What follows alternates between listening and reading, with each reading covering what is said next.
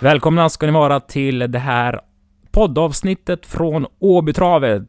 I vanliga fall så är det Travkött tillsammans med mig och Sören Englund ni hör i den här kanalen. Nu presenterar vi Somnia, det betyder drömmar på latin. Jag och Emil Persson från Sulkesport kommer drömma om den 7 maj, om vilka hästar och kuskar vi kan få se under Paralympiatravets final. Med finaler i pokalloppen, med Lovely Godiva's lopp, med Lyons lopp. Välkommen Emil! Tack så mycket, tack så mycket! Först och främst, när jag gav dig den här uppgiften att börja sondera terrängen, vad, vad känner du i det läget då? Ehm, att det är en enda stor virre alltihop höll jag på att säga. Nej men det är ju många lopp den dagen och det är ju många spännande lopp. Ehm, det var ju premiär i fjol för det här upplägget med Paralympiatravet, Drottning Silvias pokal och Kungapokalen samma år. Och det, ja, men det, är ju, det är ju en häftig dag och i år kommer ju folket kunna komma också så att ja, det, det bör kunna bli en ruskigt eh, skön inramning och, och ehm, är jag rätt ute i mina profetior så kommer det bli bra lopp kan jag säga. Förra året så hade vi ju en pandemi som lamslog delar av Europa. Vi hade ett eh, annat inresande flöde av hästar som befann sig i Sverige under en längre period. Hur tycker du kartan i Trav-Europa ser ut 2022 nu i början av året? Det blir ju lite skillnad givetvis. Det är ju enklare för folk att, att röra sig över gränserna och så och det tror jag också att vi kommer att märka av på ett litet annat sätt eh, den här gången. Eh, ja, nej men jag, jag är nog inne på att det kommer att bli mycket internationella gäster som kommer att dyka upp på under den här tävlingsdagen. Och vi börjar med huvudloppet, Grupp 1-loppet, Paralympia-travets final med en och en halv miljon till vinnaren. När vi spelar in det här så är det två stycken hästar som är klara för loppet, som har tackat ja till inbjudan. Det är Delia de och det är Extreme. Eh, om vi bara recapar lite kort där. Delia de titelförsvarare. Erik Raffin körde i finalen förra året. Mycket rabalder efteråt efter en eh, drivningen som inte var en drivning men ändå som blev en drivningsböter. Vart, vad har Delia gjort under vintermeetinget, Emil? började ju det här vintermeetinget ganska så sömnigt. Tränaren Sylvain Rodier stod ju på sig och sa att hon, hon är i bra form, hon kommer att leverera och det gjorde hon ju sen också. Hon var tvåa i Prix de France, femma i Criterium de Vitesse. Eh, hon är nio år gammal nu, det är klart att hon, hon börjar bli lite till åren. Eh, jag tror nog att hon passar bättre på, på platta 1000 meters banor nu för tiden och vann ju det här loppet i fjol. Eh, David Tomän är det ju som har tagit över som kusk där nu då när Erik Ruffin blev första kusk på Facetime Bourbon. Eh, och det är en kusk som jag är oerhört svag i. Jag håller ju honom skyhögt. Eh, jag håller honom i nivå med Raffin. Alltså jag tycker det är en fenomenal taktiker. Eh, så för mig är inte det något minus att han kommer att köra hästen i år. Nej, hon, hon har alla möjligheter att leverera även det här året. Det tror jag definitivt. Och för eh, minnets skull, det var David Tomän som vann eh, EM-loppet för treåringar vi körde under SM. Han slog av Red, Red Lady Express med en häst som inte jag kommer ihåg vad han heter. Men visst var det David Tomän? Evensong. Evensong. Just det, ja. Eh, bra taktisk kusk på en bra häst eh, kring Delia de Pomerö alltså. Och Extreme då, som jobbar efter den gamla hedliga staketmodellen. Det är idel ettor i raden inför 2022, förstärkt med Björn Goop. Berätta lite om det här upplägget, vad du, du tror det kan ge för utväxling. Ja, nej men det är klart Björn Goop är en av världens bästa kuskar så det är ju superspännande. Nu har det ju varit kuskar bakom den som gjort det jättebra i både Sten Hjul och Thomas Urberg tidigare. Så att eh, egentligen går det bara att göra det sämre om man ska ta det utifrån det perspektivet, liksom rent resultatmässigt. Men eh, som sagt, Björn Goop, vi hämtar honom från den absolut översta hyllan. Eh, så är det ju. Nej men Extrem är ju en superspännande häst. Han visade ju redan i höstas här när han vann europeiskt femhundrachampionat på Åby och slog Elitloppsvinnaren eh, Don Fanucci Zet samt Eitus Kronos i det här loppet att han, han är ju verkligen att räkna med på den här nivån och intrycket i årsdebuten på Åby förra veckan det var ju, det var ju helt lysande. Eh, det är svårt att säga liksom vart botten är i Extreme just nu. Eh, jag har en enorm respekt för Sten Hjul också och hans sätt att kunna sätta upp hästar i form. Eh, så att vi kommer nog kunna förvänta oss några riktigt bra majprestationer utav extrem. Det har jag en bestämd känsla utav. På lördag så körs det första uttagningsloppet på Jägersro. Eh, det är ju fyra stycken uttagningslopp till, de här, eh, till det här eh, finalloppet så att säga. Verre Kronos blir väl favorit på förhand. Vilka hästar tycker du hör hemma i en eventuell final som startar i försöket på Jägers, Emil? Mm. Det går väl egentligen att lyfta fler hästar i det här loppet. Verikronos är väl den eh, klara favoriten och det är också min eh, favorit till, till, till segern i, i just det loppet. Eh, Upstate Face är ju med också, Adrian Collinis häst. Eh, den tror jag också kommer att få ett riktigt bra år, så den kan jag också se som en Paralympiadeltagare. Thomas Malmqvist har ju valt att skicka upp Express Jet. Det är ju en franskfödd häst som ju inte var så hemskt långt ifrån att kvala in till eh, Prix d'Amérique i vintras. Den dyker upp i det här loppet nu från ett innerspår. Eh, det är en småspännande häst. Jag tycker inte att den är liksom elit-elit utav de franska hästarna. Det, det, det, ska sägas. Eh, men det är intressant med den på den här typen utav bana. För jag tycker egentligen inte att det är en klockren Vincennes-häst. Gör den ett bra lopp här på lördag och kanske då inte vinner. Men har den då åtminstone startat i ett Paralympiatravskval finns det ju den vägen in och kunna bjuda in den också. Så är det. Jag kan ju avslöja att Malmqvist tidigt eh, hade en dialog med Jon Walter Pedersen som är sportchef på AB om just Express Jet och även Kalle Crown. Hur Jon såg på de här hästarna och hur Malmqvist skulle lägga upp sin plan helt enkelt inför att han ville vara med den 7 maj med hästarna. Och det, det tyder ju ändå på, på att eh, tränaren går för det om man säger så. Ja men absolut och det är ju samma sak med Malmqvist. Det är ju en snubbe som vet hur man sätter hästar i form till stora lopp så att all respekt. När du har fått grotta ner dig i utländska träningslistor och skummat igenom eliten som finns, vad har du hittat då? då? Mm. Alltså, det är ju en väldigt kul uppgift det där. Vi vet ju rent historiskt att få de här allra bästa franska hästarna är svårt om man inte har ett flygplan att tillgå. Då kanske man får kolla lite grann eh, på skiktet där bakom. Jag har ju tidigare då i olika sammanhang på Sulke Sport lyft den som heter Hussard de en femårig yngst efter Bird Parker som har tjänat 4 miljoner kronor. Lite utav en Gelati Katt-typ som vi ju såg på svensk mark, bland annat i Paralympiatravet i fjol gör det så bra. Ehm, den här hästen var tvåa bakom Hönek i kriterium Continental i vintras trots att han fick gå först i tredje på de sista 1100 metrarna utan rygg i det här loppet. Jag tycker det här är en oerhört spännande häst. Alltså jag, jag tror att den är klockren för 1000 meters banor. Så den skulle jag tycka var jättekul eh, att se i det här loppet. Det är liksom min franska joker eh, så som jag har fört upp till listan.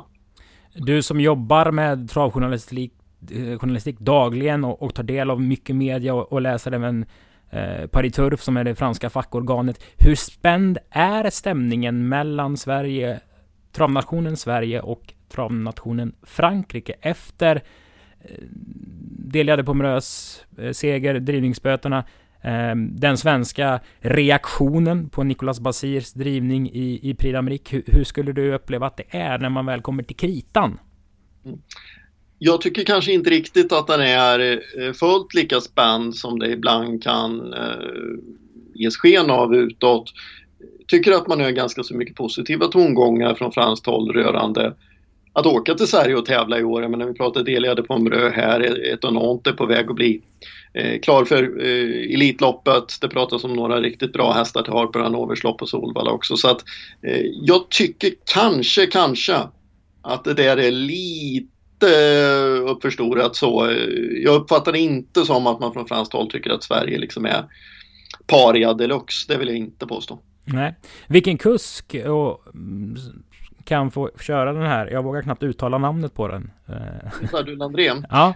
ja han, den har ju fått kört själv utav tränaren Benoit Robin mycket i, i loppen och jag älskar ju när det är tränarna som kör sina hästar själva. Det är klart att det är något annat för honom att komma hit och köra men det, det är ju en krydda vi vill ha också så att ja, Benoit Robin tar vi gärna på uh, Sardul André även i det här loppet.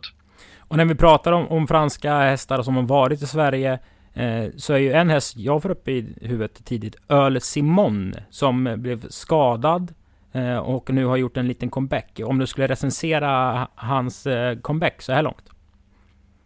Mm, han har gjort två lopp efter lång skadefrånvaro kördes väldigt passivt första gången man ett enklare lopp i belgiska Måns efter det. Eh, såg fin ut då ska sägas, tävlade på skor den dagen, är ju en annan häst utan skor. Eh, svårt att riktigt sätta in så vart han står för dagen ens imorgon och hur hans framtidsutsikter ser ut. Men skulle det vara så att Jarmo Niskanen är sugen, ja då tycker inte jag det finns någonting att tveka på överhuvudtaget. För jag menar, han skulle ju inte göra en sån typ av resa upp hit om inte han bedömde liksom att hästen kunde prestera och presenteras i ett gott skick och leverera. Eh, hästen är ju superanlitad eh, eh som avelshingst så att där finns det också en aspekt liksom att i sådana fall göra ytterligare god reklam för honom då om man väljer att komma. Mm. Vi nämnde Chilati Kat som startade Paralympiatravets final förra året. Eh, gick även vidare och tog sig till final i Elitloppet. Hur ser du på Chilati Kat 2022? Det var länge sedan vi såg honom på en bana nu. Det har ju varit bakslag och nu laddas han ju om för, för den här säsongen. Eh, jag har inte tagit del av några eh, riktigt sådär eh, Sverige-aktuella uttalanden från tränarhåll där. Det är möjligt jag har missat det men nej, jag, jag tror inte vi får se honom här första halvan av säsongen i alla fall. Ehm, flytten av, av Paralympiatravet till första veckan i maj från sista veckan i april gör ju att man kommer närmare Elitloppet och det finns ju fördelar och nackdelar såklart. Den första hästen som var eh, klar till Elitloppet är ju titelförsvararen Don Fanucci Zet. Mm. Vad har du för vibbar kring att Redén tar ut den i ett, i ett försök, eh, säg man kör till 300-400 meter kvar, kanske blir tvåa på ett bra sätt och vill lyfta fram hästen formmässigt rejält med ett, med ett tufft lopp eh, dryga tre veckor innan eh, två lopp då som Elitloppet eh, försök och final blir om man går vidare. Hur tänker du kring det? Mm. Det är ju ett spännande tänk och jag tror att det ligger ganska nära till hands att det skulle kunna bli ett sånt typ av, av upplägg också. Um, Daniel Edin säger ju inte för mycket. Han pekar ju väldigt sällan ut liksom vilka lopp hans hästar ska gå för och sådär. Men jag, jag tycker väl att det känns som en rimlig väg för den hästen i år att gå. Eh, frågan där är ju då, Redén har ju även Hail Mary numera då som ju tidigare var ju Robert Bergs träning som ju är en absolut topphäst. Där det ju låter på tongångarna som att det inte är allt för långt kvar tills den hästen ska komma ut och börja starta igen. Så att frågan är ju lite grann där då hur han väljer att göra med de två. En utav dem tror jag att han tar sikte med mot Paralympiatravet. Det tror jag definitivt. Mm. Eh, vi mm, nämnde Frankrike lite. Italien är också en stor travnation. Nu har vi Gennaro Casillo som har filial på Dunevad. Erik Bondo ska väl flytta upp eh, ett femtontal hästar kring Solvallområdet. Alessandro Gucciadoro har ju haft filial i flera år. Vad har italienarna att visa upp i grupp 1-fönstret i år? Gennaro Casillo har nog inga riktiga hästar för det här sammanhanget i nuläget då. Eh, Erik Bondo har ju Däremot Cockstyle då som ju vann Elitloppet 2020, det skulle kunna vara en tänkbar häst. Alessandro Gocciadoro har ju, ja det går ju att göra en oändligt lång lista med topphästar som han har i sitt stall. Den jag tycker kanske känns mest aktuell för Paralympiatravet utav dem, det är ju Vernissage Griff då som ju vann såväl Jämtlands stora pris eh, som Årings stora sprinterlopp i somras på svensk mark. Den hästen tycker jag ligger närmast till hans till start i det här loppet så skulle jag verkligen tycka var en, en krydda i loppet. Norge, Danmark, Finland. Har vi något där? Mm. Kruxet är ju lite med Paralympiatravet vad det gäller Finland då att det hamnar ju lite grann emellan Seini och Race som ju körs eh, det är väl eh, är det en eller två veckor innan då. Och en sen, vecka innan? Ja, en vecka innan och sen har vi Finlandia och ytterligare Eh, nej, det måste vara två veckor innan måste det vara, för sen kommer Finlandia då Precis. veckan efter det. Så stämmer, det stämmer. Eh, så de kommer ju ganska tätt ihop de loppen liksom så. Eh, jag tror inte att det blir något finskt deltagande årets Paralympiatrav. Det är min magkänsla.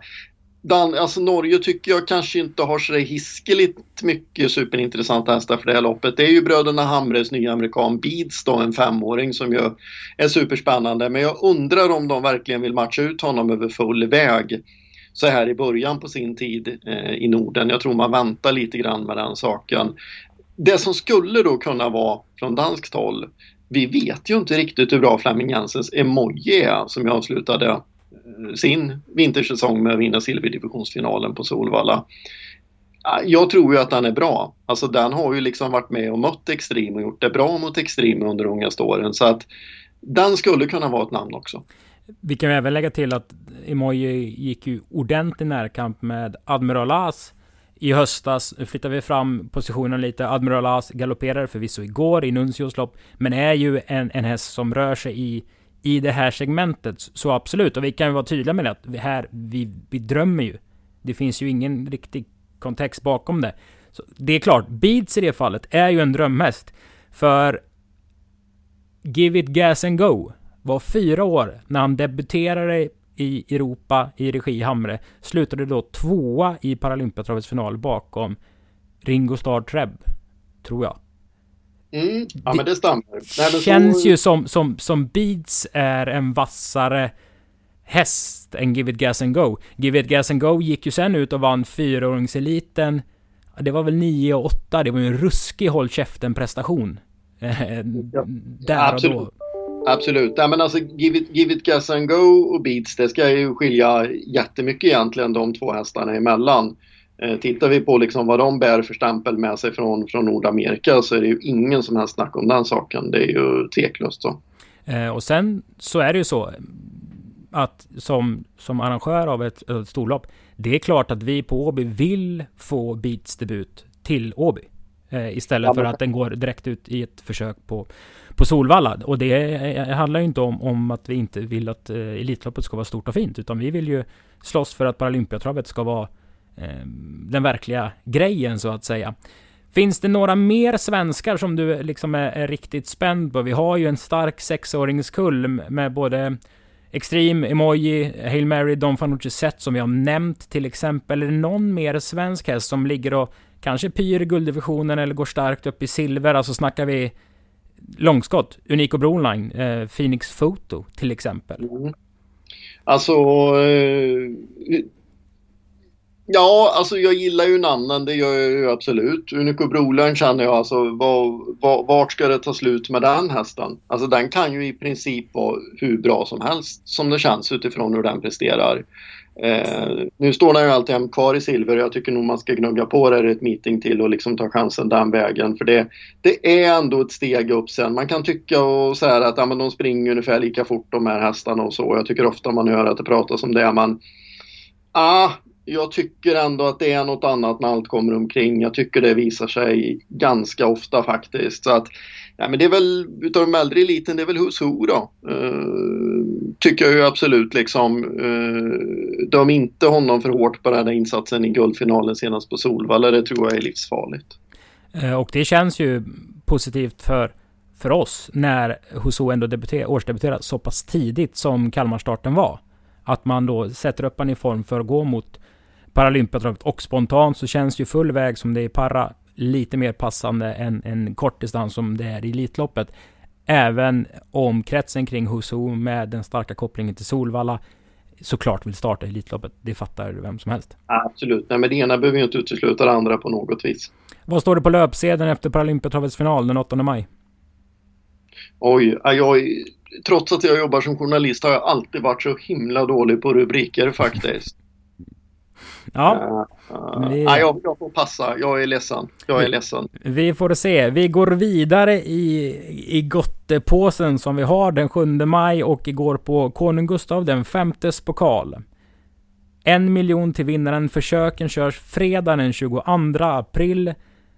Och det här loppet är ju en ytterligare faktor till den här tävlingsdagen, eh, minst sagt. Vad har vi för hästar anmälda som sticker ut. Om vi säger så, det är fyra stycken insatser. Det kan till och med vara fem. Jag har jobbat på för länge för att komma ihåg när vi ändrade det där. Men eh, man har i alla fall betalat insatser till de här loppen, så vissa hästar är exkluderade från de här, vissa är inkluderade. Och det är en vanlig förekommande grej i USA att speciellt eh, svenskägda eller svensktränade hästar i USA tar chansen och betalar in den här insatsen för att man sen kan exportera hästen till Sverige inför fyraåringssäsongen. Vad har du fått fram? Jag har hittat några spännande namn här, det får jag ju lov att säga. Um, alltså, de man direkt kanske tänker på som man är mest sugen på, om vi börjar på svenskt håll. Snuggodam, Stefan P. Peterssons hästar som ju övertygade så stort först under V75-dagen hos eh, er på Åby och därefter vann Margaretas tidiga unghästserie. Det är ju en ruggig snackis idag alltså. Det är ju, vad var det han sa, Englund han var med i uh, var Spelvärldens podd. Oj, oj, oj, oj, oj, sa han väl, eh, vill jag minnas. Nej, den är ju grymt häftig, så den är man ju supersugen på och den går ju för det loppet också. Francesco Zet årsdebuterar ju torsdag kväll då nu när vi spelar in det här. Eh, som ju Eh, vann kriteriet i fjol. Den eh, lär gå för det loppet också, jag kan inte tänka mig något annat. Sen har jag ju hittat eh, några namn här som minst sagt har fått mig att haja till. Eh, holländske tränaren Paul Haggart har alltså tre stycken superspännande hästar som är anmälda. Han har dels Usain Lobel som vi såg vinna treåringseliten på Charlottenlund under Copenhagen Cup-dagen i fjol. Sen hoppar han bort sig i tyska eh, derbyt. Det blev pannkaka av det den dagen så den har ju alltjämt inte supermycket pengar på sig. Den gör årsdebut ikväll. Den står kvar i det loppet. Sen körs det ett kvallopp ikväll på Volvega då i Holland. Där Haggard startar. Eller Haggard ska kvala en häst som heter Fly Light. Den här hästen är född i Kanada. Den är fyra år gammal med andra ord. Den tjänat lite drygt 5 miljoner kronor. Den var tvåa i British Crown-finalen i höstas i Åke Svanstedts regi, trea i Kentucky Futurity. Alltså, jag tittar om det upploppet från, från British Crown-finalen när den är tvåa. Att den är tvåa i mål, sett till hur den liksom är positionerad 150 meter före mål, det, är, det går inte vara tvåa. Det går inte vara tvåa. Den heter Flylight och den, den flyger fram alltså. Eh, hoppas att den är bra i kvalet ikväll det, det, eh, ja, det är inte en människa som har pratat om den. Det är ju en av de mest intressanta amerikanska hästarna som importerats till Sverige på, på många år faktiskt. Och faktum är ju alltså att även Nederländernas bästa treåring i fjol, Lettis BVP, som han då, eh, det holländska derbyt, eh, står kvar också i kungapokalen och den är med i samma kval ikväll också. Så att jag vet vad jag ska göra ikväll, det kan jag säga. Eh, det blir till att titta på holländska kvallopp. Och eh, Hagort hade ju Wild West Diamant från spår ja, 1 förra året. Så att han, han är ju införstådd i systemet. Uh, I början på 2000-talet så fick vi en holländsk uppvisning i Russell November var väl med och, och även Marco de Jesolo var väl och härjade. Så att holländarna har ju koll på hur insatssystemet i de här loppen fungerar. Eh, I Francesco Zet-loppet eh, ikväll då på Örebro, alltså den 7 april, spelar vi in det här. Gör ju Changled Love debut i Johan Untersteiners regi. Det är en häst som SRF Stable har ägt eh, och då har den varit i USA hos Anette Lorentzon. Den har tjänat en miljon, gått nio och en. Den är efter Love You. Den är jag ja. spänd på. Mm, ja, jag har med den på min lista också. Eh, som sagt, ikväll blir det trav för hela slanten. Eh, superspännande. Eh, Johan Untersteiner har ju även Global Cashflow. Det var ju Peter som tränade den i fjol då. och Nu har ju de den i lag så att säga. Och Indy Rock. Så att han har ju liksom tre stycken riktiga toppnamn här eh, för det här loppet. Eh, ja, det, det, är de här hästarna som jag har skrivit upp som jag är mest sugen på just nu inför det loppet. Och nu vet jag att Johan kommer gå för alla lopp och, och, har en egen plan med ägarna. Men det har framkommit, jag har gjort några seger, synka med de senaste åren. Att vinna Sprintermästaren för Johan Untersteiner, det, det är ett otroligt stort mål för honom. Ja, eh, jo men jag då kanske man, man vinklar en eventuell toppning eller en matchning då för de här hästarna på ett sätt så att det är första veckan i juli det ska gå undan där på hemmaplan nere i, i Halmstad. Har vi någon runner-up som har kommit? Vi pratar Francesco Zet och man har ju ett kriterie, en kriteriefinal på näthinnan som var fantastisk. Men är det någon som har vuxit fram där bakom? Det blir ju vanligare och vanligare att, att hästarna kanske ändå blir lite senare för du får inte så mycket för pengarna om, om du vinner mycket tvååringslopp, men du får jäkligt mycket om du vinner derbyt med fyra mille. Mm. Nej men så är det ju. Det finns ju en hel del sådana typer av hästar. vi, vi, brukar ju nästan se varje, varje vår i de här kvalen till pokalloppen. Att det dyker upp någon Timo Nurmos häst som har en 250-300 000 på sig och som man tycker har varit rätt bra och som man har tänkt så här. Ja men det där blir en bra V75 häst. Och sen kommer den ut i de här kvalen och är liksom, ja men den är så bra så att den är liksom en given kulltopp sen för lång tid framöver.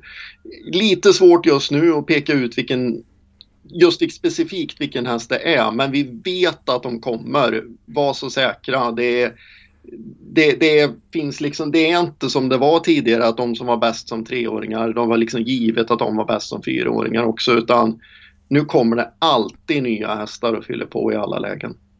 Och om kungakronan satt rätt så säkert på Francesco Zet under fjolåret så är drottning Silvias pokal och de fyraåriga stona, i alla fall ur svensk synvinkel, eh, betydligt mer öppen. Vi har Lara Bocco, vi har hemmahästen Red Lady Express, men där känns det som att det är inte riktigt någon som har satt sig på tronen. Hur ser du på drottning Silvias pokal 2022? Där är det ju tyvärr så att varken Raid Lady Express eller Lara Boko eh, verkar vara anmälda till drottning Silvias pokal som jag har uppfattat det hela. Så där är det väl så att eh, där känns väl huvudnamnet just nu då istället Glamorous Rain som ju var fyra i Oaks och vann British Crown-finalen sen på hösten. Hon årsdebuterar ju nu då torsdag kväll när vi spelar in det här. Eh, däremot så är ju tvåan från Oaks i fjol, Bright Crystal som startar på Axvalla på tisdag, eh, den är anmäld.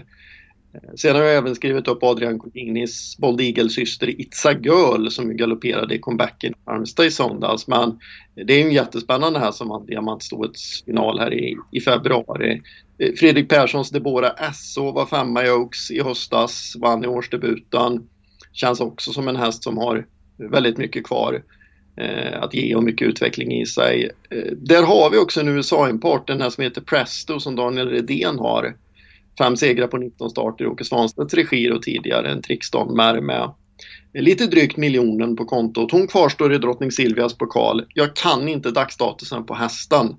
Men eh, som sagt, den kvarstår och den är på, på Redéns lista. Om du har sett listorna och om du blickar ut på kontinenten, är det någon av någon, några kulltoppar utomlands som du tror kan anmäla intresse för det här loppet?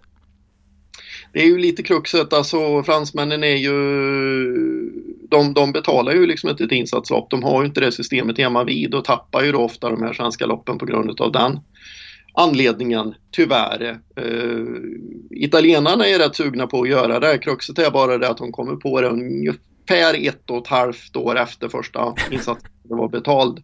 När de har märkt att de har en superkanon. Då brukar de komma och fråga hur gör jag för att vara med i det loppet. Så, tyvärr, de, de tappar det eh, många gånger så att eh, varken Frankrike eller Italien tycker jag det ser ut som det finns någon riktig supertopp den här gången.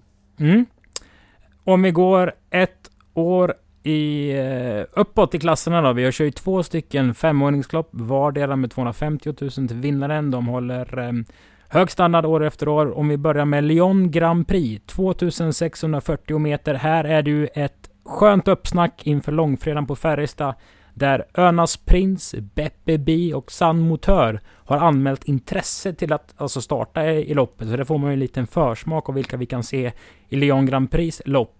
Med reservationen hur, hur Nordström då väljer att matcha Önas Prins. För det är ju klart, det är en häst som, som det snackas Elitlopp om tidigt. Ja men så är det ju. Eh, ingen tvekan om den saken. Eh, Önas Prins och San Motör finns med på min lista här. Eh, jag tror nog att lite grann beroende på hur det där loppet kommer liksom att bli kört på Färjestad. Vilka hästar kommer gå i mål och vara trötta? Vilka hästar kommer gå i mål och vara pigga? Utifrån det tror jag väldigt mycket avgörs vilka hästar ni kan få till det här eh, loppet helt enkelt. Alltså det, det här loppet och alltså här, ja, jag bara stammar, med, stammar här nu. Här finns det så himla mycket roliga hästar alltså Kristoffer. Vilka har vi? Ja, men vi har ju Redéns Mr Hercules också. Gör årsdebut på onsdag. Avslutar fjolåret med en tredje plats i Europa-derbyt. Så var det en tvåa i British Crown-finalen. Eh, Festival of Speed, Sten Juls derbyvinnare från i fjol. Eh, 13 segrar på 14 starter. Enda förlusten kom i Ålborgs Stora Pris då hästen galopperar bort sig. Eh, den ligger nog lite efter extrem i förberedelserna upp till den här säsongen. Men vem vet, det kanske bara släpper och så dyker den upp. Sen har, sen har ju Frode Hamre en ny fransk femåring i hans stall som heter Hedier Darling den var ju alltså en superkulltopp som två och treåring. Sen stagnerade den. den nej, uppförsbacken på Vincennes alltså, det, det, är, det är som uppförsbacken i Leksbergsspåret här där jag bor. När jag ska upp där, alltså, den spyr i princip samtidigt som den ser den. Eh, men 1000 metersbanan gillar den. Den brakvann ett fyrhjulingslopp i Mikkeli i somras. Så den känns skitspännande i Frode Hamrens regi. Derbyfemman i fjol, Chirou, lär ha varit i Frankrike i vinter och tränat, Timo Normos häst. Den var ju hur bra som helst i fjol. Känns absolut som en häst som kan dyka upp i det, här, i det här loppet. Sen har jag gjort ett litet paket här till dig och Jon Walter. Mm. Jag jobbar ju med den här Benoit Robin som sagt här med Hussard de Landré. Han har alltså en femåring som har tjänat en miljon. Eh, som tog tre raka på Vincennes här i, eh, under vintermeetinget som heter Amlet Vivier. Den har inte direkt, den har inte direkt varit fjärde inlås 150 kvar om jag säger så. Eh, den tål att gå. Den är inte rädd för, för uh, den här distansen 2640 meter. Och sen har vi gamla gode Veijo Heiskanen också. Kurjari Boko går ju som en skållad råtta borta i Finland. Han vann ett femåringslopp på Värmo igår från döden, stod ner Andorra. Som ju är liksom en superhäst, stor då i Finland. Den tog den från dödens igår. Alltså, ja, ja den är bra. Den är bra. Det hade varit en, en faktor. Du, för de som lyssnar och, och så tänker, men va, varför pratar ni inte om Calgary Games? Kan du uppdatera statusen på den och vad som är sagt kring Calgary Games tävlande 2022? ja, jag, jag, jag har inte pratat med Timo Nurmos själv. Jag har ju bara läst egentligen vad han har sagt och jag har hört lite vad Anders Malmroth, Solvalla sportchef, har sagt. Och där har ju Malmroth uttryckt sig då i toner som att det låter mer som att det är andra halvan på säsongen som fokus är riktat mot. Eh, där helt enkelt. Eh, den avelsarbetar ju här nu då också så att därav så blir det så att vi inte pratar om den hästen som för jag ju tror är världens bästa häst. Mm. Eh, grymt på Lyon-sidan. Lovely Godivas lopp då för femåriga ston. Det här loppet har ju fått en liten prägel på att här möts verkligen Danmark, Norge, Sverige. Alltså det, det här loppet har fått en, en skön nordisk status direkt känns det som. Det här är ett lopp, verkligen, och det här är ett lopp som väldigt många, det här har verkligen satt sig på ett väldigt fint sätt det här loppet. Eh, och, och ja, men jag, jag kör på bara vad jag liksom skrivit upp för namn. Mm. Fjolårets svenska storderbyvinnare Flower Dust gjorde årsdebut i fredags mot äldre elitan. Jättebra då. Geir Vegard Gundersens eh, Global Bread to Win som vann norska storderbyt i fjol ska absolut kunna vara med i ett sånt här lopp. Daniel Redén har ju såväl Sister Sledge som Hanni Meras. Jag tänker kanske att Hanni Meras är mer passande till det här loppet. Jag misstänker att man väljer sprinterlopp med Sister Sledge eh, som ju vann fyrungseliten i fjol på en supertid. Adrian Colgjini ska ju åka med Kalle Smart till Seinäjoki Race i, i slutet på eh, april. Så att det blir ju bara två veckor mellan det loppet och detta. Jag tänker då kring, kring eh, ja, Kalle Smart som jag nämnde här. Ja, precis, mm. precis. Vi får väl se hur han väljer att göra. Alltså det, det finns ju galet bra namn här också. Timo Nurmos har ju Hoboken Am. Eh, han har ju Marion Footy, Bond som avslutade fjolåret med tre raka och vann på 11 och en full väg då. Eh, Daniel Wäjersten har ju 50 Cent Piece som var drottning Silvias pokal i fjol. Och Gocciadoro tar tillbaka Bressa Ducras som ju var ruskigt vass i Sverige i somras. Eh, den har dåligt med startpoäng nu ska sägas men ja, det, det, de här två nämnda loppen de kan bli kusligt bra om det står rätt alltså. Eh, ja, det, det, kan vi lägga till. Daniel Wäjersten som är uppfödd mer eller mindre på Åby stallbacke. Eh, hans pappa Ulf var ju, eller är ju en av Åbys stora profiler på sitt sätt. Eh, under, de, under de senaste decennierna, verkligen. Jag tror det hade varit otroligt stort för Daniel att komma hem under en sån här tävlingsdag och få vinna ett av de större loppen. Alltså det, det kan jag verkligen tänka mig. Det... Ja, men absolut. absolut. Jag, jag, måste bara berätta mitt första minne om Daniel Wäjersten. Jag mm. gjorde en intervju med Kristina Medin som ju hade stora framgångar på en period. Satt i fikarummet hos henne på den gamla stallbacken på Åby. Och då knackade på dörren till fikarummet och kom det in en liten försynt pojk eh, för att fråga några saker. Eh, och det var ju Daniel Wäjersten som idag har 100 hästar i träning och är precis hur bra som helst som travtränare. Du, eh, om vi tänker att vi har snackat om fem potentiella lopp som kan ligga på, på V75-spelet. Mm. Det känns som att man, man får titta, ja, Elitloppshelgen i, i all respekt, men det finns förutsättningar för stökiga lopp, eh, i alla fall att bena ut för en spelare om man får den här mixen som vi drömmer av, av hästar och även kuskar.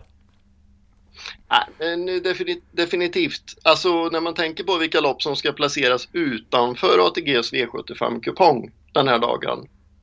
För jag menar, när jag tittar på övriga lopp också, vi har ju inte ens kommit halvvägs, så är det ju... Ja, det kan bli vansinniga tävlingar alltså. Mm.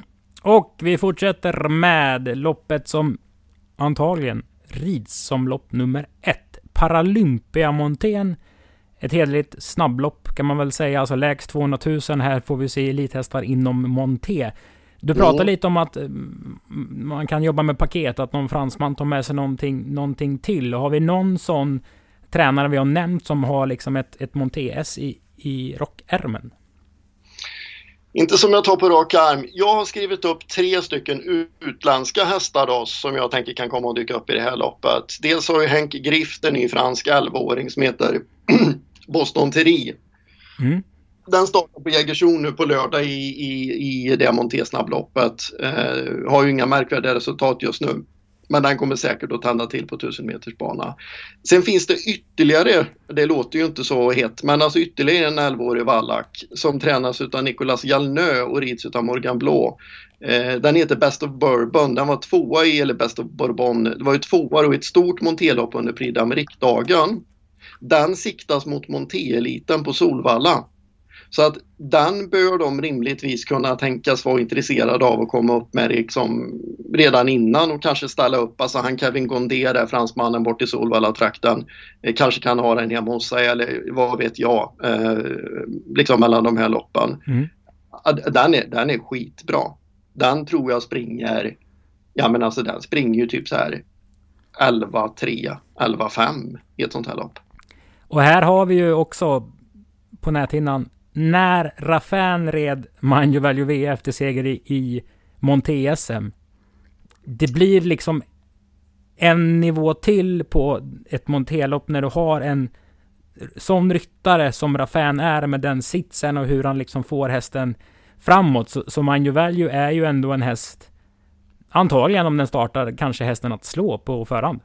Ja, ja, nej men absolut. Det, det, är ju, det är ju också den hästen som jag har som tredje häst eh, medskriven då på, på den här listan. Jag har inom parentes vi tror vi och frågetecken också, men jag tror han ska starta i Senioki Race och sen blir det då bara två veckor emellan. Alessandro Gocciadoros häst som ju även är bra i Monté. Så att det kan bli ett puttrigt lopp det här också, definitivt. Mm. Och vi har ju även sett på senare år att det finns tränare som det finns en större acceptans att gå ut med en, med en bra gulddivisionare i ett eh, Montelopp. Björn Goop hade ju derbytrian Chianti till exempel i Monte SM för två år sedan var det va? Eh, så att eh, det är ju på frammarsch. Det är konstigt att inte fler prövar och eh, eh, lite grann. Det tycker jag. Det borde fler ta chansen att göra. Mm. Vi drömmer oss vidare då och går till kallblodsloppet under tävlingsdagen. Vi hedrar Solo genom att köra Solos lopp. Eh, och här vet jag att vi... Odd Herakles är en av hästarna vi har pratat om. Den står ju dock med 40 meters tillägg och på ett varmblodstänk, en varmblodsproposition, så är det ju aldrig så lätt att stå 40 på Åby vad har vi här? Och då kan vi ju säga då att här behöver vi få mycket bra norska hästar. Det är ju en internationell V75, det vill säga att det är ingen V75 i Norge den här tävlingsdagen.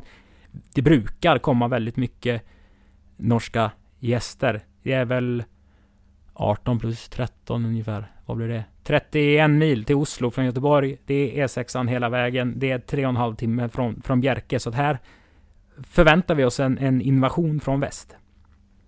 Ja men det kan ni göra. Eh, de brukar ju lösa de här sakerna på ett bra sätt. Jag tycker väl att Odd Herakles eh, bör vara ganska så rimlig att kunna få till loppet. Det borde också ligga ganska bra i tiden, tre veckor före eh, Elitkampen på Solvalla. Eh, Todin, Erik Killingmo. Eh, den här hästen var ju lite uppsnackad mot Odd i ett större kallblodslopp i Momarken i, eh, i mars. Då lyckades den inte hålla undan 20 meters tillägg. Jag kan se att han dyker upp och gör ett nytt försök här. Den var väldigt bra tvåa i Jakob Meyers pokallöp i lördags på Bjerka. Eh, Belfax, Kalle Söderströms eh, gamla häst, nu har han ju varit i många år hos Jan-Olof Persson, men jag tror nog att vi alla liksom tycker att Belfax är en hemmahäst trots, trots allt. Eh, det vore kul att, att, se den tillbaka på i det här loppet igen också. Jag erkänner, jag har inte jobbat superhårt med, med det här loppet av lite tidsbrist. Så att Eh, det är de tre jag har skrivit upp. Mm. Och vi drömmer givetvis. Månlycke AM. Först i tredje spår, kanske 1100 kvar. I ryggen Odd Herakles. Och så skulle man kunna få en, en, en riktig duell. Ge över den bortre långsidan in i svängen så man får det där suget i magen när de bara lämnar fältet. Eh, likt Copiad och Pinechip i Elitloppet 94 eller vad det nu kan vara. För det, det är klart vi vill ha Gunnar Melanders superstjärna till Åby. Nu är vi ju på de här vanliga fyra klasserna som är inom STL. Men mm. historiskt sett så brukar de här klasserna inte vara speciellt vanliga. Eh, om vi börjar med klass 2-försöket Emil, alltså den klassen där hästarna har tjänat 100 till 250 000. Det loppet går över kort distans. Mm.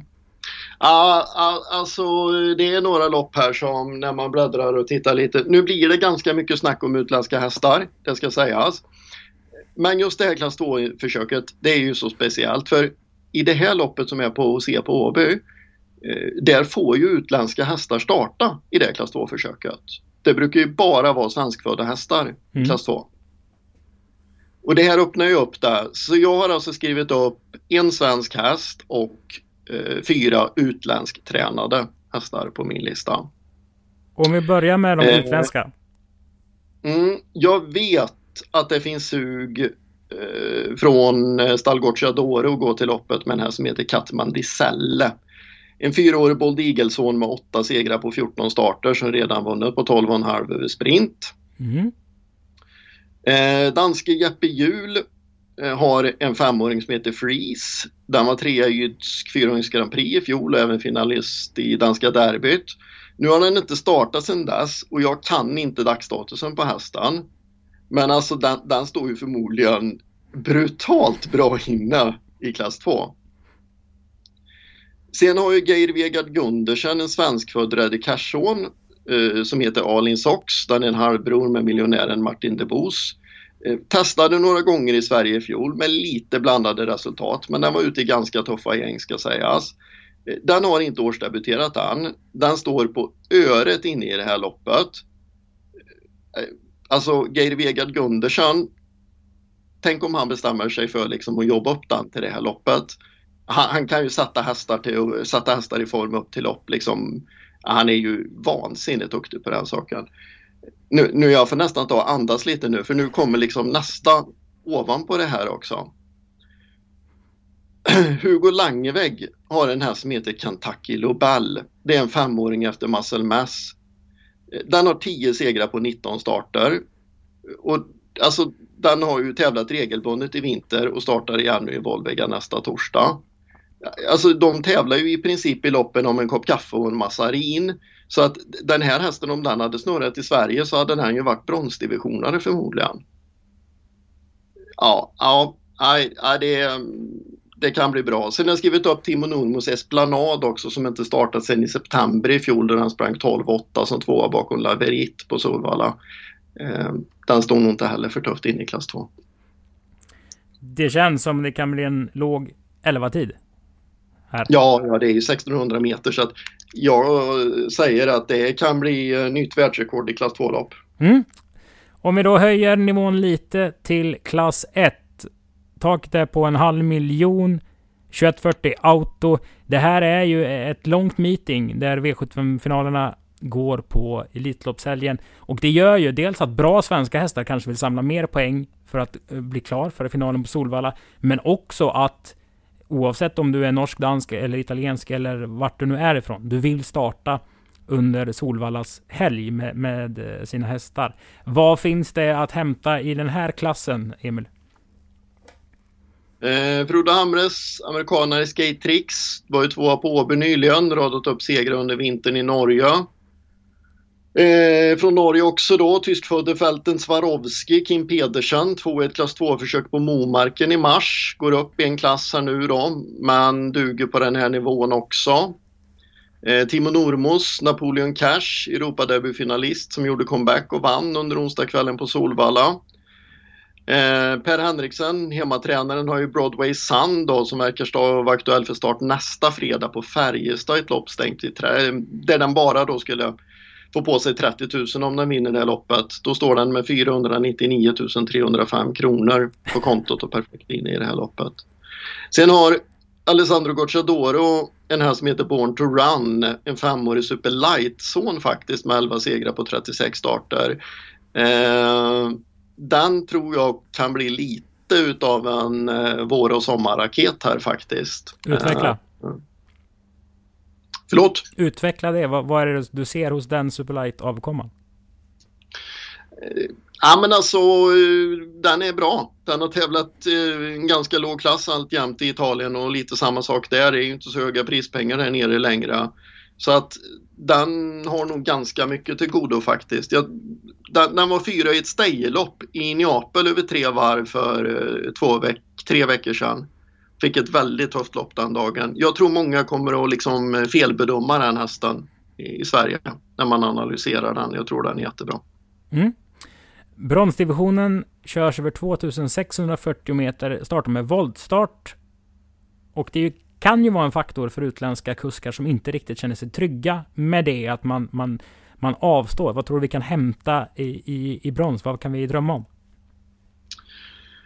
Jag tror vi kan drömma om eh, Sion Font. Den gör comeback under torsdagskvällen. Jeroen Engverdas häst som vann klass 1-finalen på 11 och 9 under Åby Stora Prisdagen i fjol.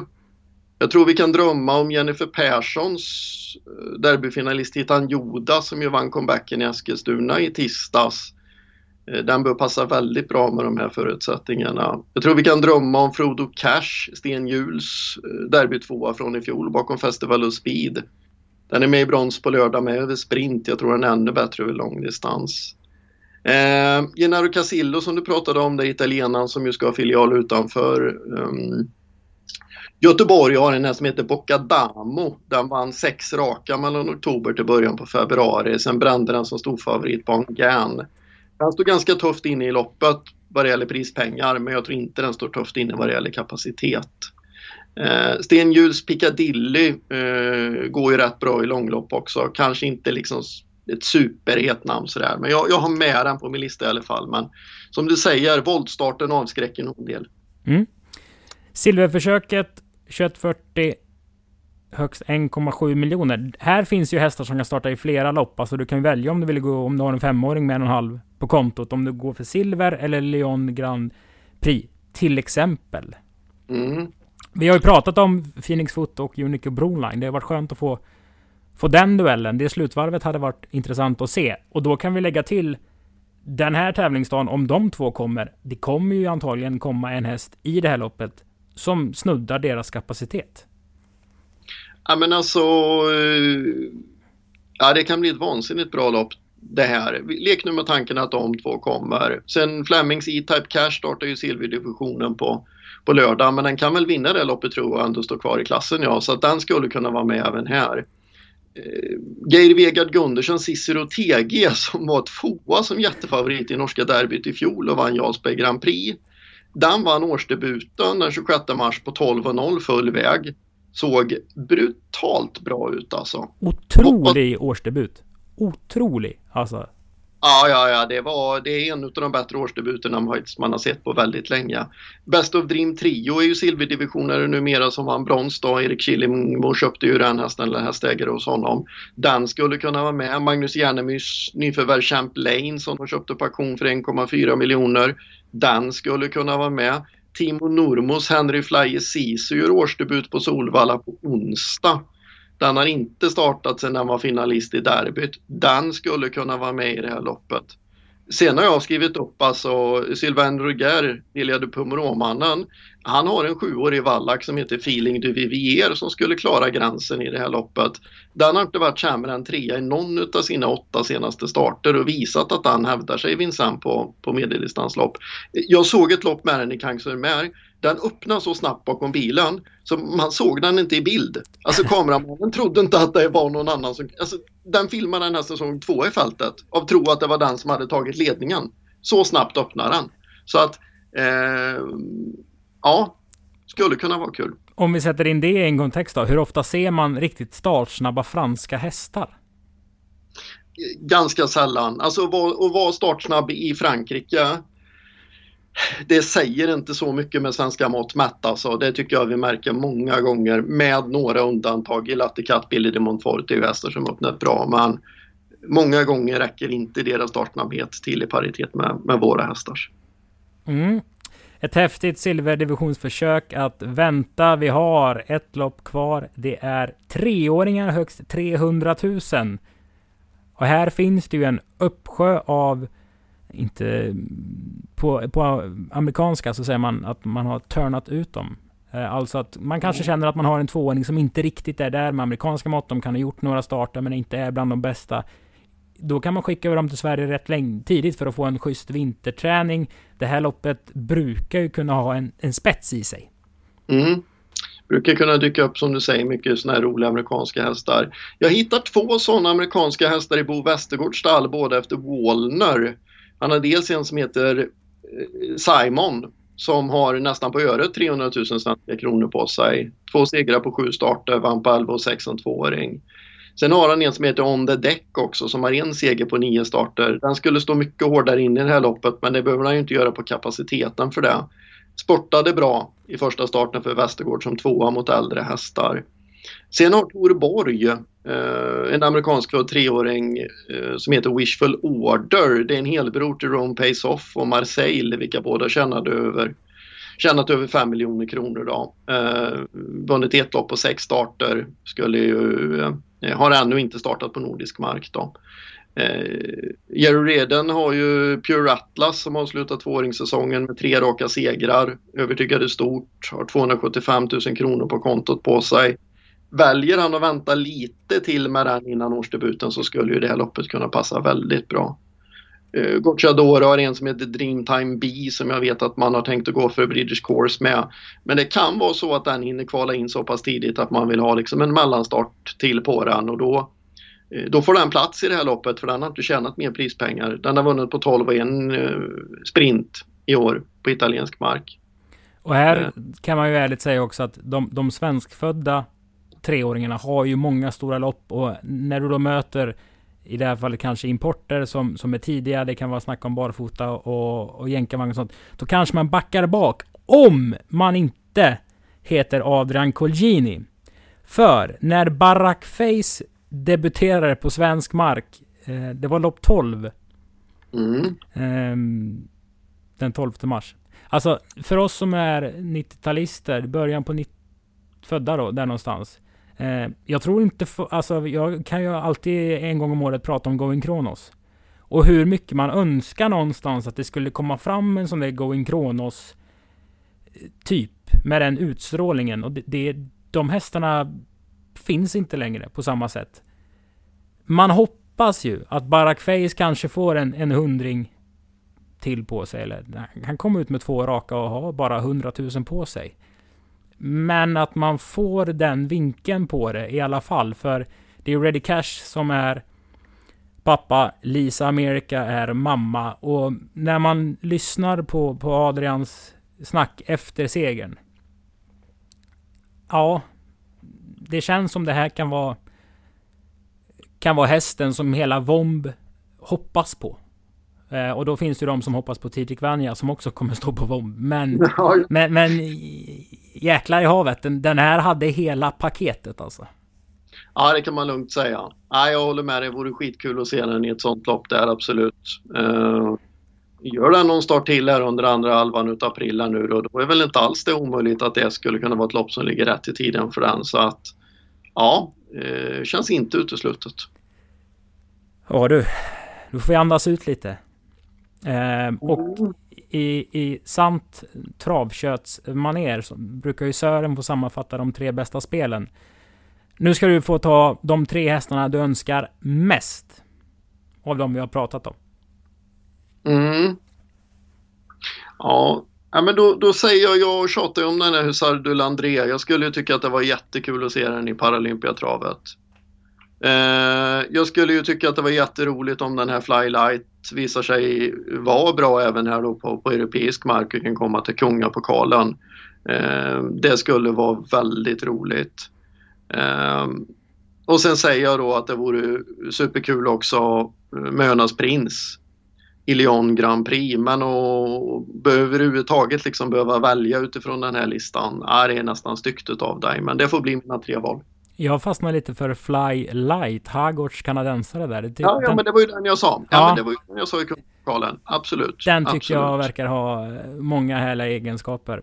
7 maj 14.35 är första start. Eh, Den 1 maj, det är en söndag.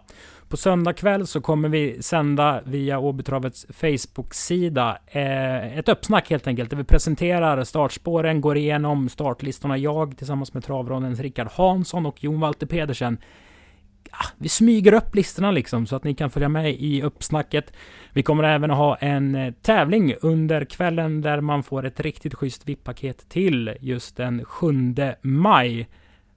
Och det är ju en lång vinter vi har i Sverige och just nu har det ju snöat både idag och igår i, i Mölndal. Men det här får en att, drömma om vår och bra travhästar alltså. Jäklar i havet. Verkligen, verkligen. Nej, det kan bli en toppen dag. Spännande så. Tack för att ni har lyssnat på det här. Det är ju kanske den smalaste podden som finns i världshistorien. Eh, Men eh, jag hoppas att ni har tyckt det varit intressant att framförallt lyssna på Emils tankar. Tack så jättemycket för det, Emil. Tack så mycket. Så eh, hörs vi och syns via Åbys digitala kanaler eller varför inte på be- besök av på Åbytravet. Vi kör ju alltså kvalen till pokalloppen bland annat den 22 april. Det kommer bli en sju helsikes tävlingsdag. Det vet jag redan nu. Tack för att ni har lyssnat. Vi hörs!